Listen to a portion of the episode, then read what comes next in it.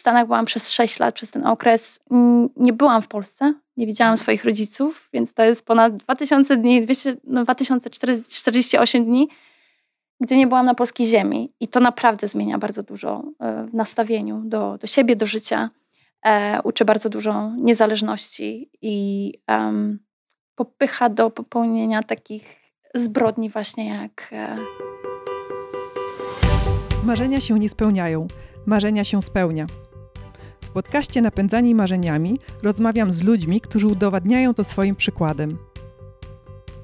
Nazywam się Joanna Borucka i jestem założycielką firmy Katalog Marzeń, oferującej prezenty w formie przeżyć. To miała być rozmowa o 13-miesięcznej wyprawie rowerowej. Jak się do niej przygotować, o przygodach na trasie, o lekcjach i wnioskach – a wyszła nam rozmowa o odkrywaniu siebie, o emocjach, o poszukiwaniu swojej życiowej drogi, o odwadze, o tym, jak przestać płynąć z prądem. Zapraszam na spotkanie z Olą Me Orlikowską, podróżniczką, rowerzystką, kociarą, marzycielką, fotografką, artystką i co najważniejsze, ciekawym człowiekiem.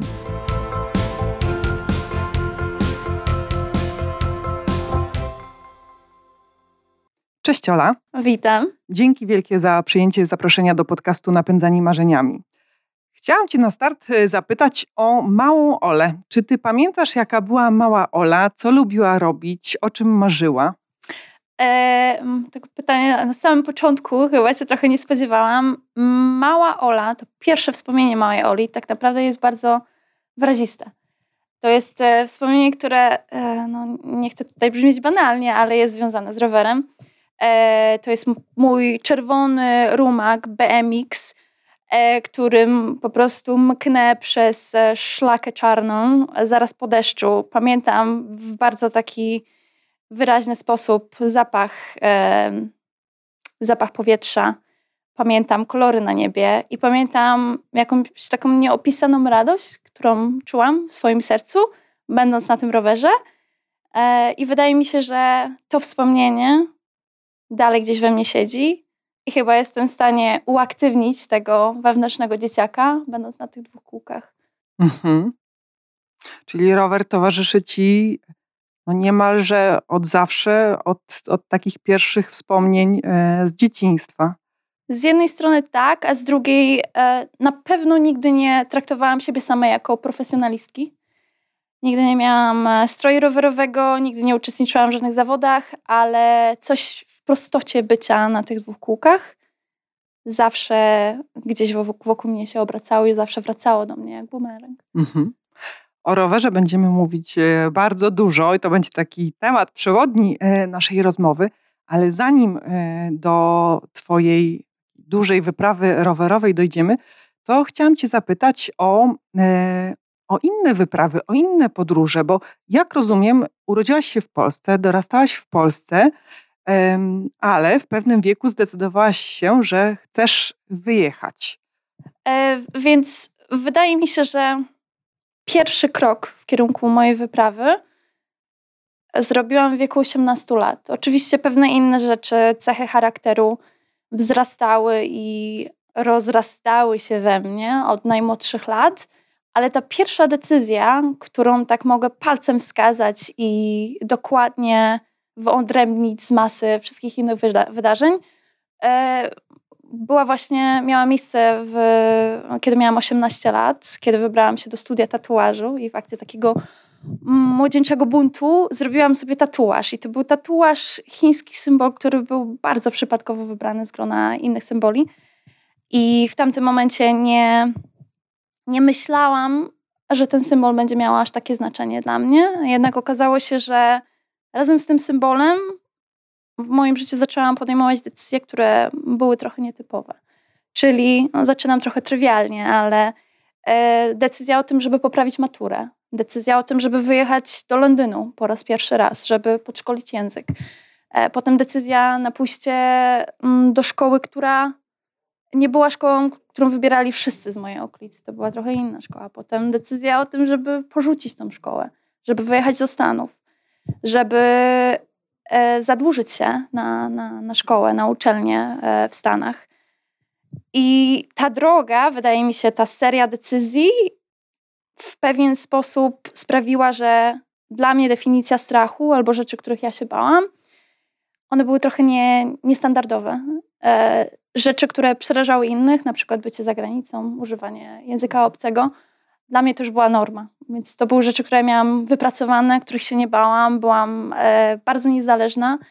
Więc połowa tego obciążenia wielkiego, która łączyła się z rozpoczęciem wyprawy, ona już na samym wstępie dla mnie po prostu nie istniała.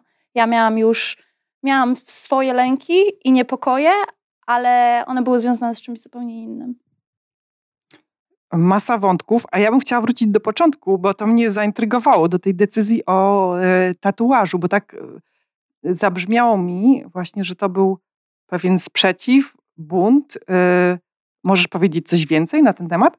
Ja myślę, że żyjemy w społeczeństwie, które zapomniało trochę o rytuałach i że ta mitologia życia codziennego ona jest bardzo istotna i symbolika m, znaków, które napotykamy w naszym życiu,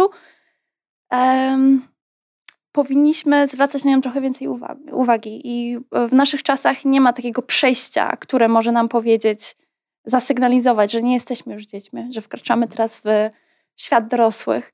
I w jakiś sposób myślę, że dla mnie to była właśnie metafora, która pokazała mi, że ja jestem już jednostką indywidualną, która jest odseparowana od e, tej takiej całości e, jednostki rodziny że teraz działam, teraz ja kroczę swoją drogą i ode mnie zależy, y, w którą stronę pójdę i w jaki sposób tą ścieżką będę kroczyła. Mhm.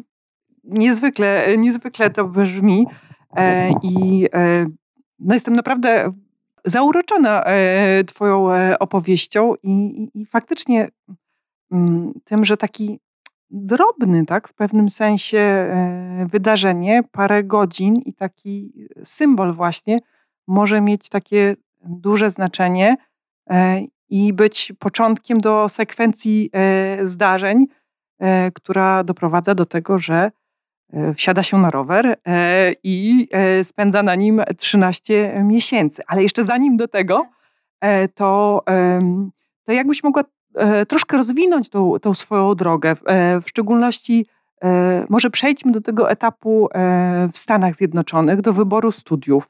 Co cię tak, co cię skłoniło właśnie, żeby zacząć studiować fotografię w Stanach? A więc fotografia nie byłam na pewno jedną z osób, które biegały z aparatem zawieszonym na szyi w wieku pięciu lat. To było coś, co po prostu w bardzo organiczny sposób wydarzyło się. I tutaj też kolejny taki moment, gdzie mm, kiedy wyjechałam już do Stanów i miałam jakiś e, taki płomyk nadziei, że to może wypalić, e, który często zgasał na chwilę, kiedy na przykład e, dowiedziałam się, ile kosztują studia w Stanach mhm. Zjednoczonych.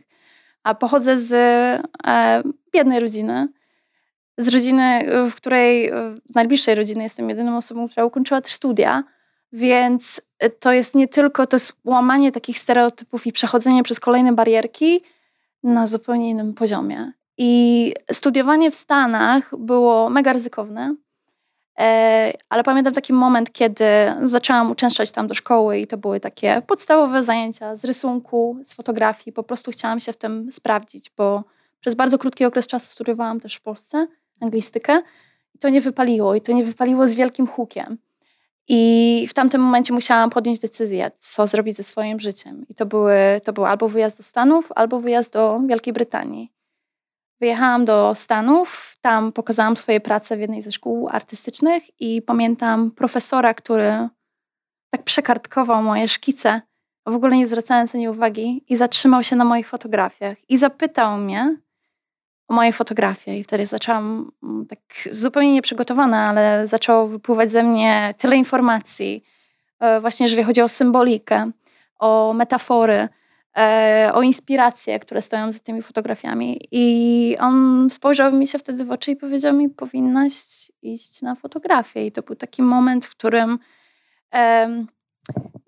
nałożyłam chyba sobie klapki na oczy. Ja mam właśnie taki charakter, że jeżeli jest jakiś konkretny cel przede mną, to potrafię poświęcić praktycznie wszystko. Może to być, może to być postrzegane jako coś bardzo pozytywnego, a może być również postrzegane coś jako, jako taki ekstremizm, do którego mam tendencję i zdaję sobie z tego sprawę, ale wydaje mi się, że on też wyznacza e, pewną ścieżkę i pomaga w osiągnięciu takich e, większych celi albo celi, które łączą się z większą ilością strachu, lęku. Te studia w Stanach patrzyłam na to, co e, na, na, znaki, które pokazywały się na mojej drodze, na ludzi, którzy się e, zainteresowali mną, którzy pomagali mi w ogromnej, ogromnej mierze finansowo. E, w Stanach byłam przez 6 lat, przez ten okres. Nie byłam w Polsce, nie widziałam swoich rodziców, więc to jest ponad 2000 dni, 200, no 2048 dni, gdzie nie byłam na polskiej ziemi. I to naprawdę zmienia bardzo dużo w nastawieniu do, do siebie, do życia e, uczy bardzo dużo niezależności i um, popycha do popełnienia takich zbrodni właśnie jak e, niezgadzanie się na strach, niezgadzanie się na, na lęki, um, szukanie gdzieś tam tych pokładów potencjału i odwagi w sobie. Bo w Stanach byłaś zdana na siebie, tam nie miałaś, nie wiem, rodziny, cioci. Nie, nie, jechałam tam e, jako operka, czyli mhm. niania, która mieszkała z rodziną. Rodzina, która praktycznie mnie zaadoptowała i dzięki tej rodzinie właśnie miałam okazję mieszkać tam przez taki długi okres czasu. Ta rodzina mm, pozwoliła mi na, pomogła mi finansowo, pożyczyła mi pieniądze, które na sam koniec ofiarowała mi. E, więc jestem, to dla mnie to był taki przykład tego, że jeżeli podejmuje się ryzyko, to często e, dostajemy coś w zamian od, jakkolwiek chcemy tego nazwać, Boga, wszechświata, kosmosu. E, dla mnie, jeżeli chodzi o nazewnictwo, jest to dosyć zbędne, ale um, umożliwili mi właśnie studiowanie e, tam i dzięki nim oni jakby stali się moją rodziną. Mhm. I mówisz, mówisz o strachu, o, o odwadze do jego pokonywania. Mm, co ci pomagało, co ci pomaga, ale może co ci pomagało, tak, właśnie co ci pomagało na tym etapie e, wcześniejszym w Stanach w, w radzeniu sobie z tym strachem, w pokonywaniu go? E, ja myślę, że dorastając, dorastałam w rodzinie alkoholowej. Dorastałam w rodzinie, w której bardzo szybko musiałam nauczyć się bycia niezależną od samego początku, e, nawet ostatnio rozmawiałam na ten temat z moją, z moją mamą. Poprosiłam ją o to, żeby powiedziała mi e, jakieś historie na temat Oli, jako mhm. małej dziewczynki. I mam siostrę, która jest 5 lat e, ode mnie starsza. I ona była znacznie ciekawszym dzieckiem. Była bardzo rozgadana, była bardzo towarzyska. Z kolei ja byłam cichutka, zawsze przy mamie. Zabawnie mi się o tym słucha, bo jestem teraz zupełnie inną kobietą niż byłam dzieckiem. Ale powiedziała mi, że jedną cechę, którą posiadałam, to było takie e, obranie celu i dążenie do tego celu. E, jeżeli chciałam sobie na coś uzbierać, to e, łapałam się czegokolwiek mogłam, żeby zdążyć do tego celu. I myślę, że ta cecha, nazwijmy to ambicją i takie Mm, poleganie tylko i wyłącznie na sobie, ta niezależność, która tak naprawdę nie była pełną zależnością, bo mieszkałam u kogoś innego i byłam jakby uzależniona od ich pomocy i życzliwości, ale to był ten element mojego charakteru, który pozwolił mi brnąć dalej i który pozwolił mi postawić wszystko na jedną kartę. Żeby iść w kierunku e, tego roweru, ale zanim ten rower, to jeszcze właśnie, co było dalej, co było po tych studiach, bo nie zostałaś w Stanach. Nie zostałam w Stanach. E, po sześciu latach, kiedy szkoła była już skończona, e, dyplom był już schowany w szafce, dostałam propozycję pracy. I żeby podjąć tą pracę, potrzebowałam wizę i o tą wizę musiałam ubiegać się w Polsce, więc przyjechałam tutaj z nastawieniem, że Jestem na dwa tygodnie, odbieram dosłownie wizę i e, wlatuję z powrotem do Nowego Jorku. E, okazało się, że, że nie dostałam tej wizy. I to było coś, e, mm, myślę, że nie byłoby wyolbrzymieniem, gdybym powiedziała, że tak trochę świat mi się załamał na głowę, bo nie byłam kompletnie przygotowana na to, że, że to nie wypali. Nie miałam żadnej alternatywy I byłam przekonana, że to wszystko to była tylko formalność. Przecież miałam papiery, przecież praca była już zaklepana. I pamiętam, wyszłam z tej ambasady i przez cały dzień milczałam. Nie wiedziałam, nie wiedziałam kompletnie, co ze sobą zrobić. Nie wiedziałam, co powiedzieć. E, po sześciu latach byłam w kraju, e, w którym tak długo mnie nie było. Byłam po części pomiędzy różnymi tożsamościami. Z jednej strony byłam Polką, z drugiej strony nie czułam się już Polką. Nie byłam oczywiście Amerykanką, więc byłam w takim no man's landzie, e, gdzie ciężko było mi się w ogóle przystosować do czegokolwiek. Nie miałam tutaj żadnych połączeń, kontaktów z nikim. Cały mój network został za oceanem, więc cali, wszyscy moi znajomi. Sześć lat życia, z życia dwudziestolatki, to jest większość jej życia. I nie mogłam się tu kompletnie odnaleźć. I tutaj wchodzi dramatyczna scena prysznicowa, e, w której po prostu zaczynam kwestionować wszystkie moje dotychczasowe życiowe wybory i stoję na takim konkretnym zakręcie. I pamiętam, przyszło mi do głowy wtedy bardzo proste pytanie: co sprawia, że jestem szczęśliwa? I zanim miałam okazję zastanowić się nad tym odpowiedzią, no to już przed oczami miałam e, siebie na rowerze. To była odpowiedź, której kompletnie się nie spodziewałam. Tak jak powiedziałam wcześniej, nie jestem e, rowerzystką z prawdziwego zdarzenia. Nigdy nie uważałam tego e, jako, jako mojego sportu. To po prostu było coś, co lubiłam robić, co sprawiało mi dużo przyjemności. No i chwilę później mm, gdzieś ta, ta złość za to, że nie dostałam tej wizy i za te ograniczenia, a ja tak bardzo czułam się obywatelką świata. I wydało mi się to takie strasznie niesprawiedliwe, że, że ktoś ma prawo podejmować decyzje o całym moim życiu i o jego kierunku. I e, wtedy pomyślałam o Europie, o tym, jaka ona jest e, otwarta. Oczywiście wszystko to było e, przed COVID-em. I zrodził się wtedy właśnie ten pomysł przejechania Europy rowerem. I tak pamiętam, owinęłam się tylko w ręcznik i e, zakrzyczałam, e, jakie mam plany na swoje, na swoje życie. I, no i wtedy, kiedy zaczęłam otwarcie mówić o, o moich planach, no to ludzie zaczęli śmiać mi się w twarz zaczęli. E, oczywiście kompletnie nie miałam pojęcia, więc jakby też mieli powód do tego, bo twierdziłam, że jestem w stanie przejechać 200-300 kilometrów na rowerze, kiedy najwięcej w swojej karierze przejechałam mm, może 50 i to było z 15 lat e, wcześniej i przez tydzień nie mogłam chodzić, ale jakieś miałam takie wyobrażenie na temat swojego potencjału i swoich możliwości e, z kosmosu. I stwierdziłam, że oni wszyscy mają po części rację w tej kwestii, że byłam spukana. E, wszystko poszło na szkołę, nie miałam żadnych pieniędzy, mm, był plan i wiedziałam, wiedziałam, że to nie był plan, że to nie było, nie była to decyzja, która wyszła z, z mojego ega. Chciałabym mieć samochód, albo chciałabym mieć taką pracę, albo mm, chciałabym mieć taki dom. To było coś, co, co wyszło ze mnie w bardzo naturalny sposób i tam nie było ega. I to było, mówię, dla, dla mnie samej na tyle zaskakujące, że wiedziałam, że to jest bardzo prawdziwe. E, I wiedziałam, że to jest pomysł, który muszę zrealizować, pomimo tego, że nie miałam w tym momencie do tego możliwości. I dlatego wyjechałam do swojego, e, ja zawsze mówię, eks-chłopaka, mojego miasta poprzedniego, czyli Londynu, w którym czułam się bardzo komfortowo. Może niekoniecznie po sześciu latach w Stanach, bo jednak szok kulturowy tam był dużo większy niż szok kulturowy w Polsce.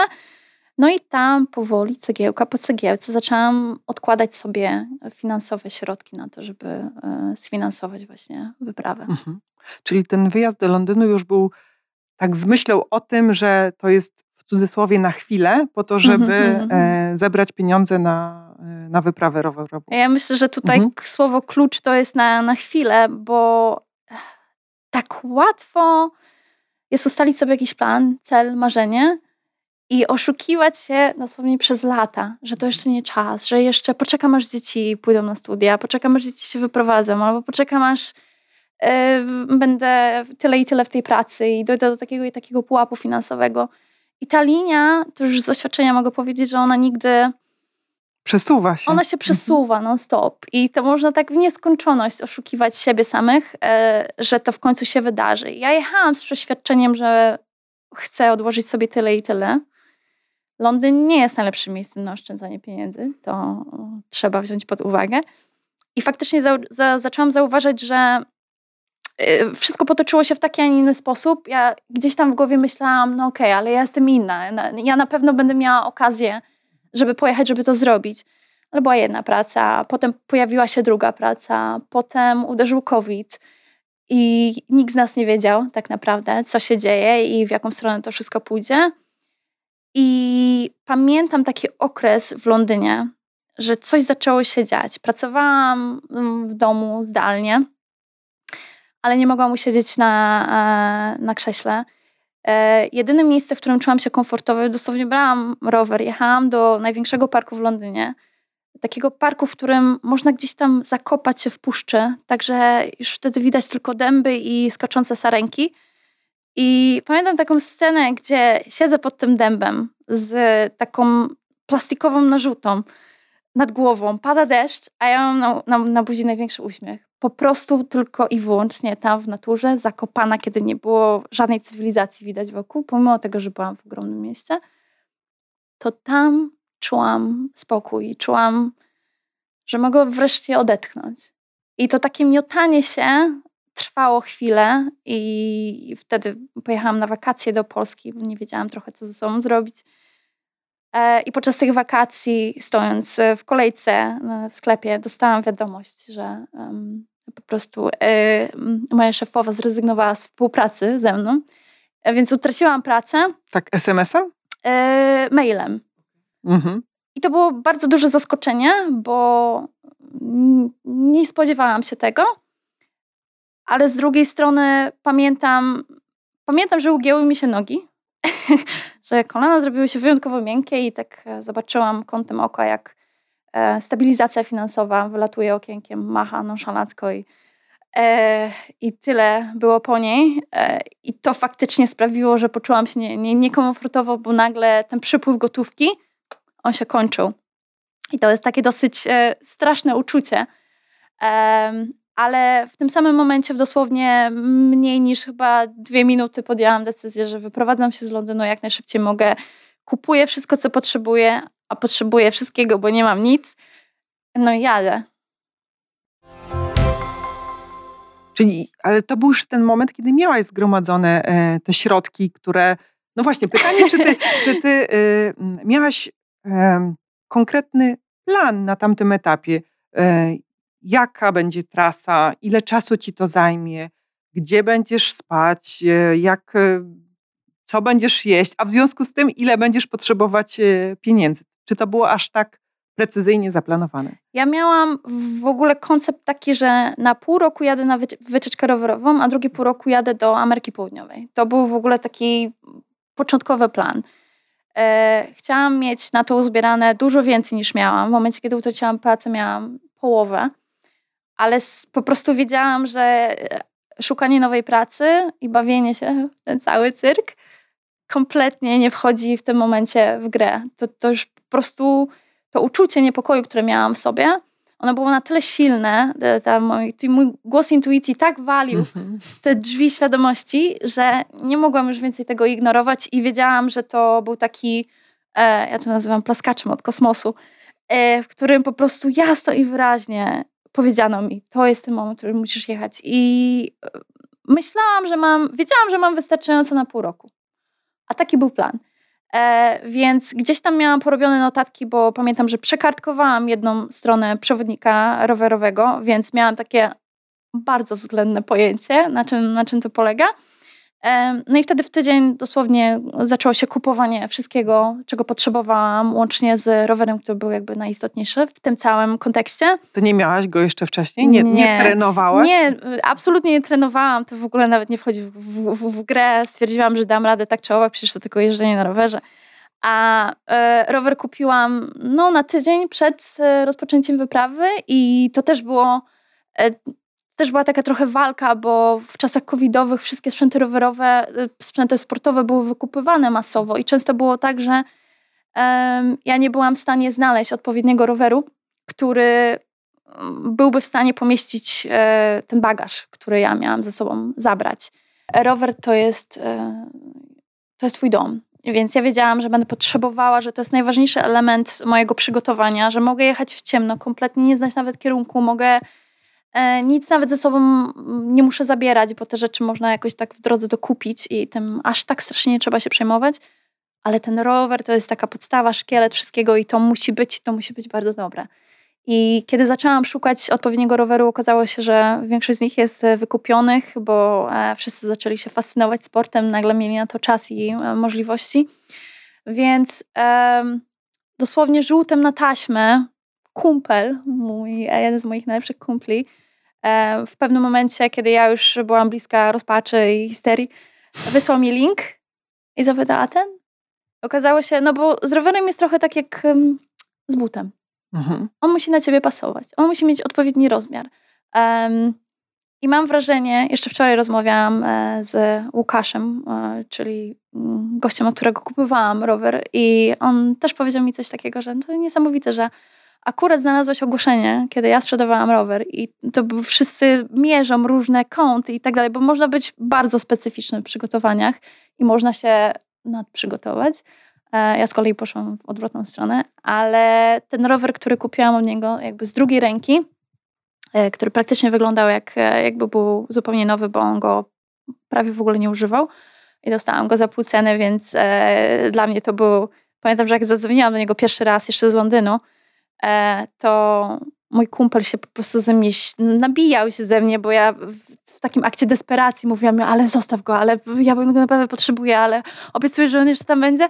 Po prostu e, chciałam, no bo to był idealny rower, dokładnie taki, którego potrzebowałam, dokładnie taki, którego nigdzie indziej nie mogłam znaleźć. I jak pierwszy raz na niego wsiadłam, dosłownie chór aniołu zaczął śpiewać, co ten. I nie było wątpliwości. To naprawdę była taka miłość od pierwszego, e, mm, od pierwszego wejrzenia. I e, ten rower, słyszałam o różnych wyprawach, słyszałam o różnych problemach podczas wyprawy. On spisał się na medal. E, naprawdę praktycznie nie miałam żadnych problemów podczas 13 mhm. miesięcy w drodze, więc było warto. To kilka takich podstawowych e, faktów o tej wyprawie. 13 miesięcy, 15 tysięcy kilometrów. Około, tak. E, 12 krajów. E, co było, e, gdzie był start, gdzie była meta? Start był w malowniczej miejscowości Skurcz na skraju Worów mhm. Tucholskich, z której pochodzę. E, no i tam też była meta. Okej. Okay. Tak. Nie wiem, czy są jeszcze jakieś istotne statystyki, może ile kilogramów bagażu? E, kilogramów bagażu było pewnie około 30, więc razem z rowerem to był pakunek około 50 kg, w zależności od tego, w jakiej porze roku jechałem i gdzie byłam bo na przykład będąc na Sycylii nie ukrywam, że te, te litry wody, które konsumowałam, one śpiąc pod namiotem i nie, nie, nie mając tego dostępu do wody tak zawsze, to często miałam na, na, sobie kilka litrów. No i te kilka litrów do siebie się dodawało i faktycznie ten e, obładunek jakby zmieniał się trochę. Mhm.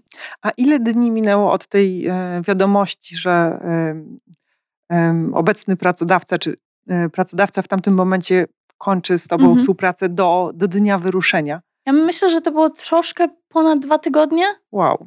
No więc y, po prostu musiałam trochę poczekać na to, żeby te rzeczy były dostarczone. Um, bo tak jak powiedziałam wcześniej, sakwy, jakieś e, rzeczy typowo na rower, ja nie miałam nic z tego, więc wszystko musiałam czekać i po prostu te dwa tygodnie to było na takie mm, przygotowanie się. I pierwszego dnia ile zrobiłaś kilometrów? Zrobiłam po prostu takie błędy, popełniałam wszystkie błędy popełniałam. Pamiętam, że jak czytałam ten przewodnik, tam było kilka rzeczy napisane, rzeczy, które nie powinno się robić. Ja w trzy dni, pierwsze trzy dni swojej wyprawy złamałam je wszystkie. Z mhm. premedytacją. E, pierwszego dnia i zauważmy, że tak jak mówiłam wcześniej, najwięcej kilometrów, które gdzieś tam kiedyś pokryłam, to było 50 kilometrów w szóstej klasie podstawówki. I tego pierwszego dnia przejechałam, hmm, wydaje mi się, że około 110, 115 mm, mniej więcej. Um, tylko, że ten pierwszy dzień to on był jeszcze napędzany e, ekscytacją dnia pierwszego, tak? I, i nowością tego, co robię. Um, ale pamiętam, że, bo często ludzie pytają w podróżach o ten pierwszy dzień. Dla mnie to były pierwsze trzy dni, e, w których, tak jak powiedziałam wcześniej, popełniłam wszelakie błędy, błędy amatorskie, jakie mogłam łącznie z, ze spaleniem swojej skóry, z kompletnym nieplanowaniem jakiegokolwiek noclegu, z wjazdem na autostradę i wszystko było.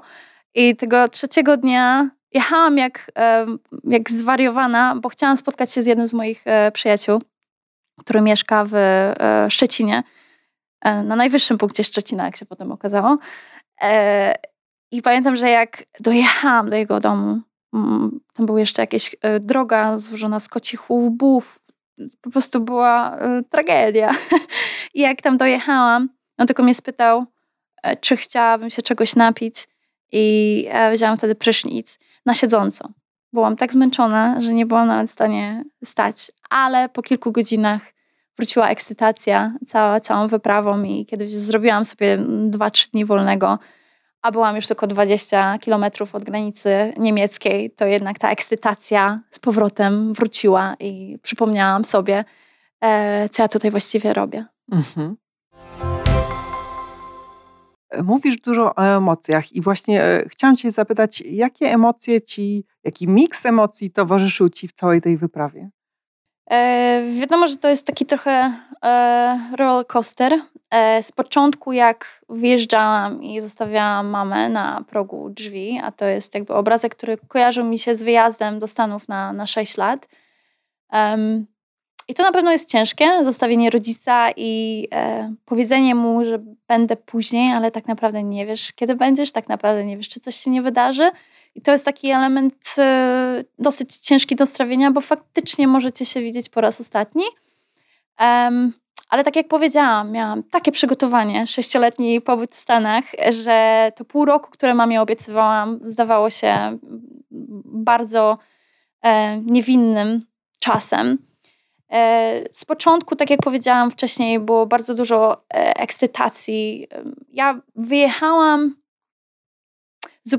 zupełnie nie wiedząc chyba, co chciałam dokonać. I myślę, że to, co chciałam dokonać, powód, dla którego wyjechałam, on dalej mm, ujawnia się i wychodzi jakby z mgły, nawet, nawet teraz. Ale na samym początku po prostu było takie bardzo silne przeświadczenie, bardzo silny głos intuicji. Musisz jechać i niekoniecznie musiałam rozumieć e, dlaczego. Ale gdzieś tam w tyle głowy miałam taką świadomość, że robię to, że to nie jest tylko taka fizyczna e, podróż, ale że na pewno to jest podróż w głąb siebie. Ja jestem osobą bardzo uduchowioną i dlatego też wiedziałam, że jeżeli pojadę, to nauczę się czegoś na swój temat, nauczę się czegoś na temat otaczającego mnie świata. I, i z początku to było tylko gadanie. Z początku było gadanie, bo e, ma się tyle na głowie, e, stara się mm, znaleźć w jakiś sposób hmm, może jakąś rutynę na samym początku, ale kiedy minają tak dwa, trzy miesiące, ktoś mi kiedyś powiedział, jeden z, z gospodarzy, którzy gościli mnie u siebie w domu, powiedział mi, on e, też przeprowadził bardzo podobną wyprawę.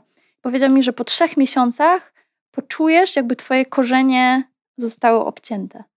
I tak ta, ta data siedziała mi bardzo w głowie i faktycznie był taki moment na południu Francji, kiedy poczułam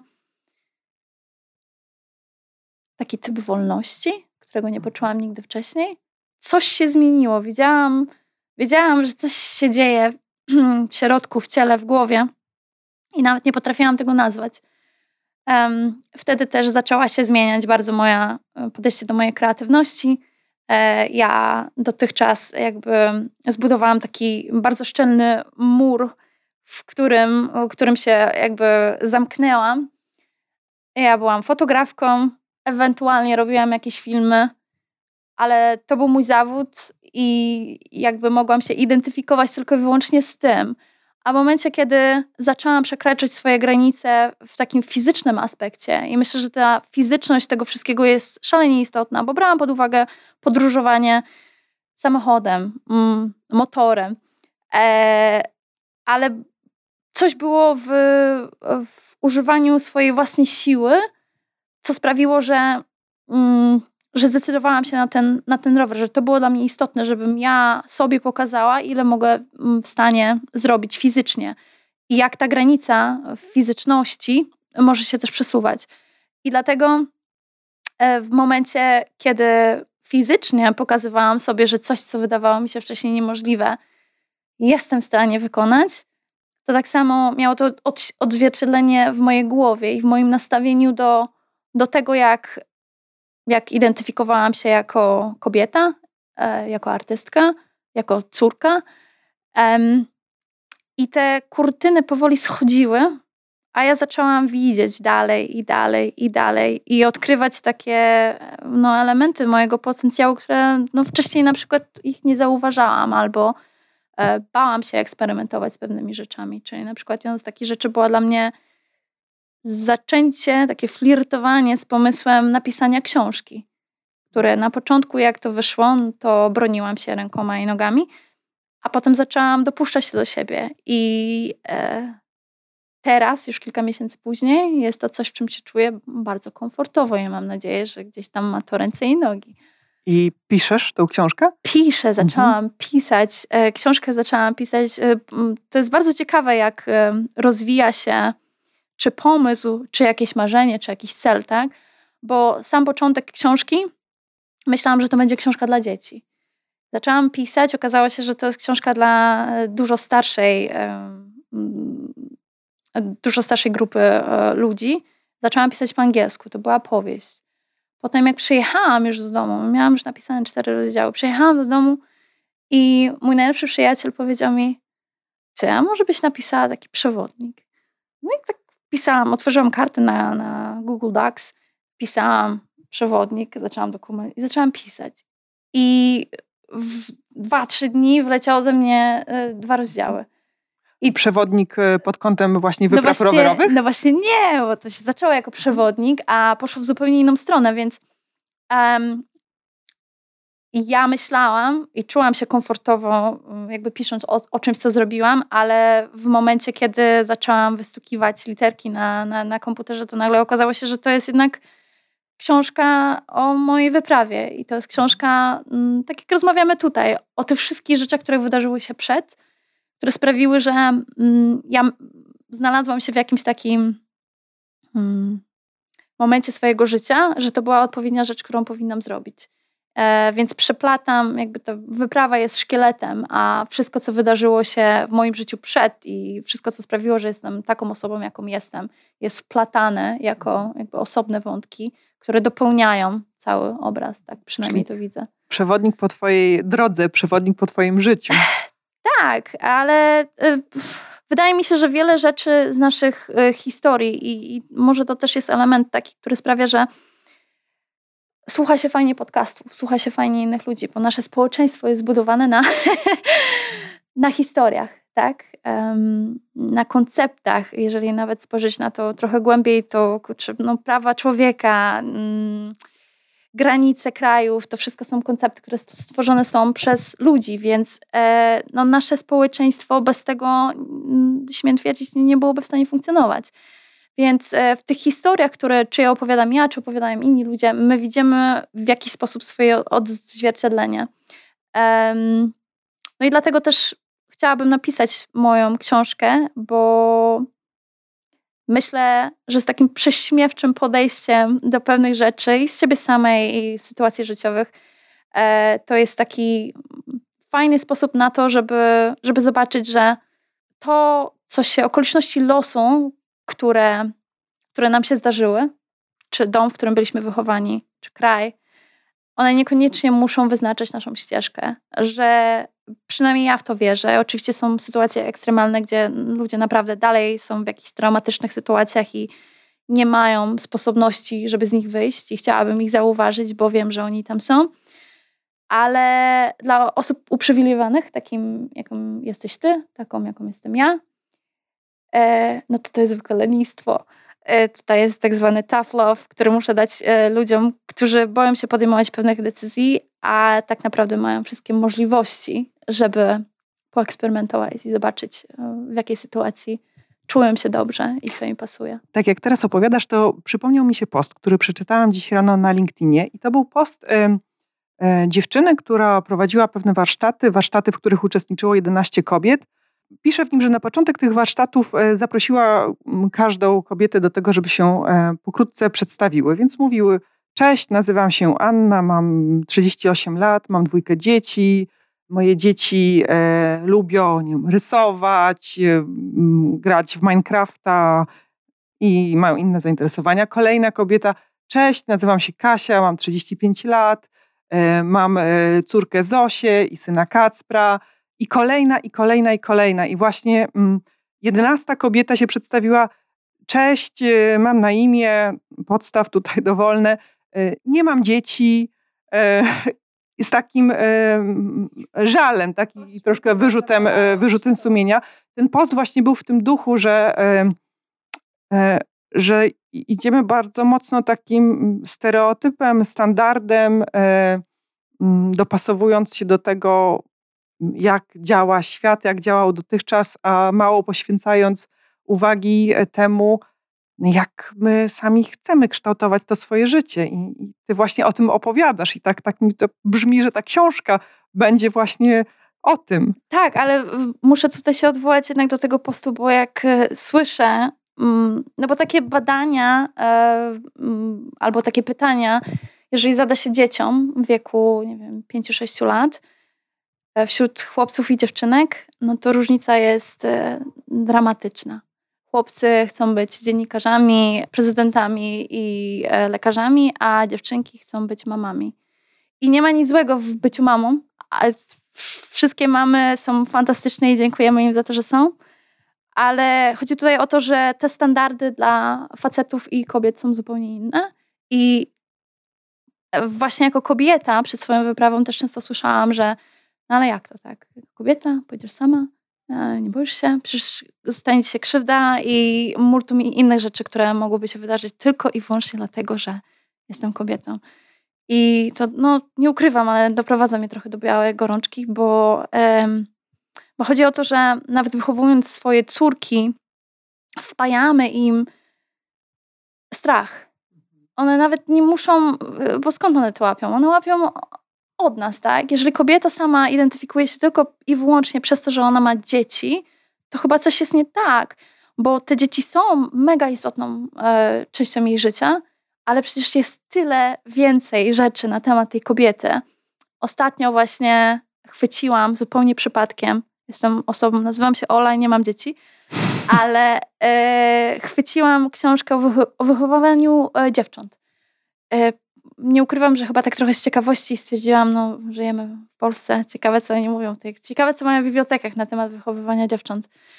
I e, książka jest fantastyczna, naprawdę jestem bardzo mile zaskoczona. I jeden z cytatów, e, który bardzo mi się spodobał, mówił o tym, że kobieta, która nie jest świadoma swojej siły, jest bezradna.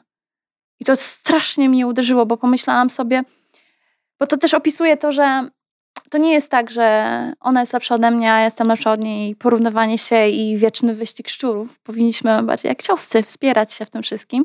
I ten potencjał, siła, e, którą e, ja czuję często, która no, wypełnia całą, całą mnie, e, to jest coś, co znajduje się w nas wszystkich. Z tym, że jeżeli mamy kobietę, która jest zawalona rachunkami, dziećmi, e, obiadem, pracą e, i ona nie ma absolutnie nawet godziny czasu, żeby mogła sobie wygospodarować dla samej siebie, no to nie dziwmy się, że ona nie ma y, takiej samoświadomości, bo y, ona jakby ma za dużo obowiązków mhm. na swojej głowie, tak? Tak. Dlatego warto zacząć myśleć o sobie wcześniej, zanim tak. wejdziemy w ten, tak. te takie um, utarte schematy. Mm. Ola, powiedziałaś wcześniej, że mm, dopiero w trakcie drogi zaczął ci się, e, zaczęłaś rozumieć, mhm. po co jedziesz. E, czy dzisiaj już wiesz, e, po co jechałaś? Ja stronie takich no, jakby stricte określonych odpowiedzi, bo myślę, że one nas ograniczają w pewien sposób. Już same słowa są ograniczające, uważam. piękno mojej wyprawy polega na tym, że pomimo tego, że nie poruszam się już z miejsca A do B i nie myślę o tym, co będę robiła, co będę jadła jutro, gdzie będę jutro spała, to już jest zapewnione, a to naprawdę jest e, coś niesamowitego. Prysznic codzienny, łóżko. Uh. To moja wyprawa dalej się toczy. Ja pisząc codziennie o, o tym, co się wydarzyło, zaczynam rozumieć pewne rzeczy. Ja myślę, że mówimy tutaj o ponadrocznej wyprawie. Doświadczenia w ciągu tego jednego roku mogą być porównywane pewnie do doświadczeń z ostatnich mhm. 10 lat mojego życia. To jest coś, co było bardzo mocno, bardzo intensywnie się zadziało. Więc e, ja myślę, że co najmniej będę potrzebowała następnego roku, żeby wszystko przetrawić. Z początku były pobudki, tak jak mówiłam tobie, mm, no to była podróż w głąb siebie, ale tak naprawdę co to znaczyło, nie miałam pojęcia. Dopiero potem zaczęło się, zaczęły się zmieniać, czy zaczęłam zmieniać się ja. I wtedy zauważyłam te, te zmiany. I ja naprawdę wierzę w to, że, że jakby ta wyprawa była dla mnie. E, teraz z perspektywy czasu, zwłaszcza jak rozmawiamy o kobietach, to nie ukrywam, że jest to dla mnie bardzo istotny aspekt, e, żeby, hmm, żeby pokazać kobietom archetyp babeczki, która jest pewna siebie, która jest silna, która ma takie typowo męskie cechy charakteru, ale tutaj ciekawy wątek, bo ona ma ze sobą w sobie takie sprzeczne cechy, typowo sprzeczne cechy charakteru, tak? Czyli jest ta stanowczość, jest ta ambicja, ale do tego jest jeszcze mega empatia. E, do tego jest e, zrozumienie, do tego jest na przykład uporządkowanie się do pewnych zasad czasami, jeżeli jest to e, jakby wymagane. To jest takie schowanie ega do kieszeni i to jest taka super babeczka, mhm. która po prostu pokazuje, że ona nie musi nikomu nic udowadniać. Ona, ona nie musi tupnąć nogą, żeby pokazywać swoją siłę ona czasami może po prostu zamilknąć i w tym milczeniu będzie dużo więcej e, siły. Ja dorastając w moim domu bardzo utożsamiałam się e, z figurą mojego taty, który był takim bardzo silnym mężczyzną, który zdecydowanie w domu nosił spodnie, a mama była trochę tak na boku, a mamę praktycznie nie zauważałam. Dopiero jak um, Uważam taki okres, kiedy faktycznie mogłam nazwać siebie kobietą i czułam się dojrzała emocjonalnie. Zaczęłam dostrzegać um, te podobieństwa pomiędzy moją mamą a, a, a, mną. To, że ta cała empatia, którą w sobie mam, to ta delikatność, która potrafi być tak piękna, która potrafi mieć w sobie tyle mocy, to to jest wszystko od mojej mamy. I to jest taka, mm, takie piękne małżeństwo tych cech, które są skrajne, które E, wydają się tak do siebie nie pasować, a tworzą e, idealny element, tak? To jest tak jak dzień i noc, i nie, nie. Te przeciwieństwa, one muszą w naturze istnieć i e, mamy sobie jakby pierwiastki kobiece i męskie. Siła polega na tym, nie żeby wykorzystywać ten, który jest silniejszy, ale na tym, żeby wykorzystywać ten, który w danej sytuacji jest potrzebny. Mhm. Moim odkryciem z zeszłego roku jest słowo i. E, przeczytałam taką książkę, e, książkę mm, biznesową o przywództwie. Jej pełny tytuł to jest I refleksje o przywództwie jutra. Zrozumiałam pod wpływem tej książki, czy mm, dotarło do mnie, że bardzo wiele rzeczy, które dotychczas widziałam na dwóch końcach spektrum tej samej skali, y, i przez to, że je tak widziałam, to wydawało mi się, że po prostu nierealne jest, żeby je połączyć. Nie można być jednocześnie silnym i delikatnym.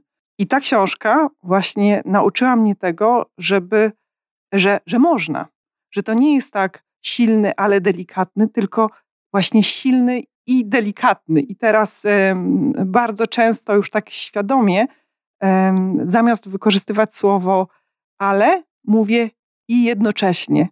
I to jest taki, taka y, mała rzecz, która, która robi dużą e, różnicę. Absolutnie. Ja, ja myślę, że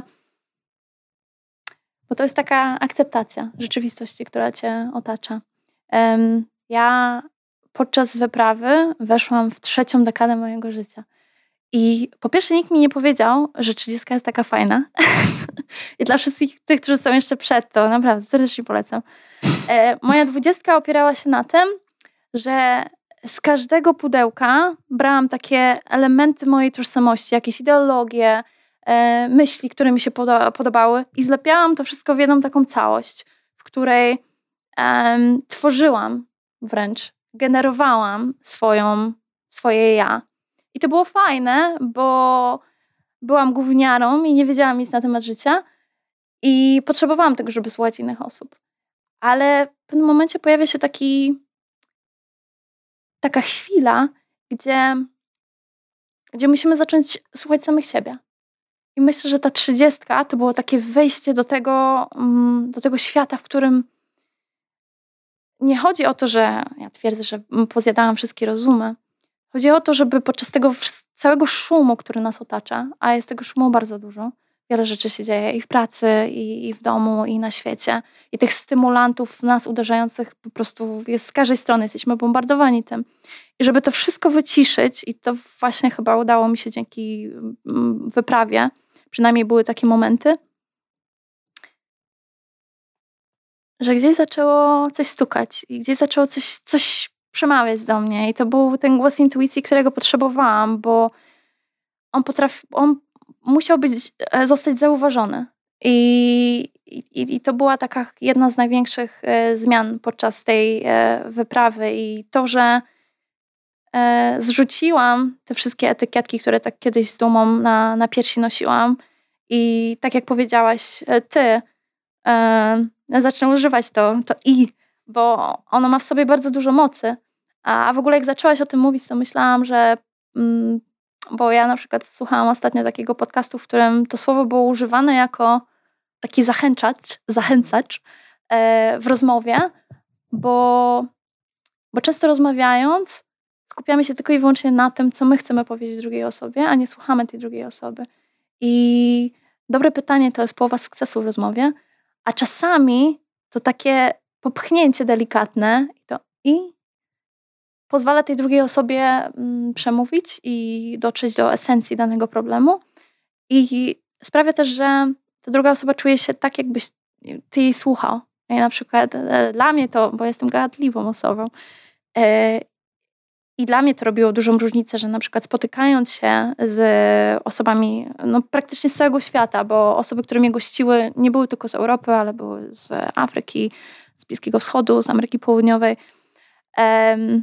I to takie próba zamknięcia się i posłuchania tej drugiej osoby, bo jesteśmy w stanie nauczyć się czegoś więcej na swój temat, tylko słuchając tej opowieści drugiej osoby, tak? Przynajmniej tak mi się wydaje. Ola, to jest y, piękna puenta naszej rozmowy. Jest masa pytań, których nie zadałam, które przyszły mi w trakcie, które chciałabym zadać. E, mam nadzieję, że będzie okazja, że jesteś też obecna w mediach społecznościowych, więc. E, Coraz mniej. No właśnie, jak to wszystko pogodzić? E, może mniej, ale bardziej. Myślę, tak. że tak, tak można, tak. prawda? Że mhm. mniej często za to z taką większą siłą. Z większą świadomością. Dokładnie. Więc e, e, mam takie poczucie, że jeszcze los nas ze sobą e, zetknie. E, bardzo Ci dziękuję za tą rozmowę. Była kompletnie inna niż, niż zakładałam, niż się spodziewałam. To dobrze, bo nie powtarzamy wszystkich rzeczy, które powtórzyłam wcześniej i też nie mówiłam o rzeczach, które ja sobie myślałam, że zadasz mi na przykład na, na, na, na te pytania jakby mm, na te, mm, dobra. Gubiłam wątek. Mam nadzieję właśnie, że dla ciebie też była inna niż, niż się spodziewałaś. I że e, Z, też zupełnie inna. Ciekawe. Tak, na pewno. Dzięki. Dziękuję raz bardzo jeszcze. za rozmowę. I do zobaczenia. Do zobaczenia.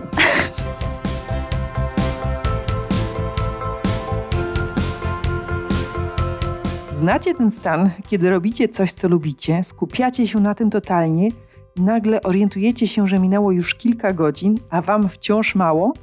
Tak zwany stan flow. Właśnie tak się czuję rozmawiając z moimi gośćmi. Są ludźmi naładowanymi pozytywną energią, która bardzo mi się udziela. Tak było i dziś. Jestem urzeczona historią Oli, jej odwagą do poszukiwania swojej drogi i zaufaniem do własnej intuicji. Bije od niej siła i wrażliwość. Nie ma w tym żadnej sprzeczności. Jest idealne dopełnienie. Jeśli widzisz w naszej rozmowie wartość, myślisz, że może zainspirować kogoś do odważnego wstąpienia na ścieżkę swoich marzeń, to skomentuj, polub lub udostępnij naszą rozmowę. Będzie mi bardzo miło. Do zobaczenia już wkrótce w kolejnym odcinku.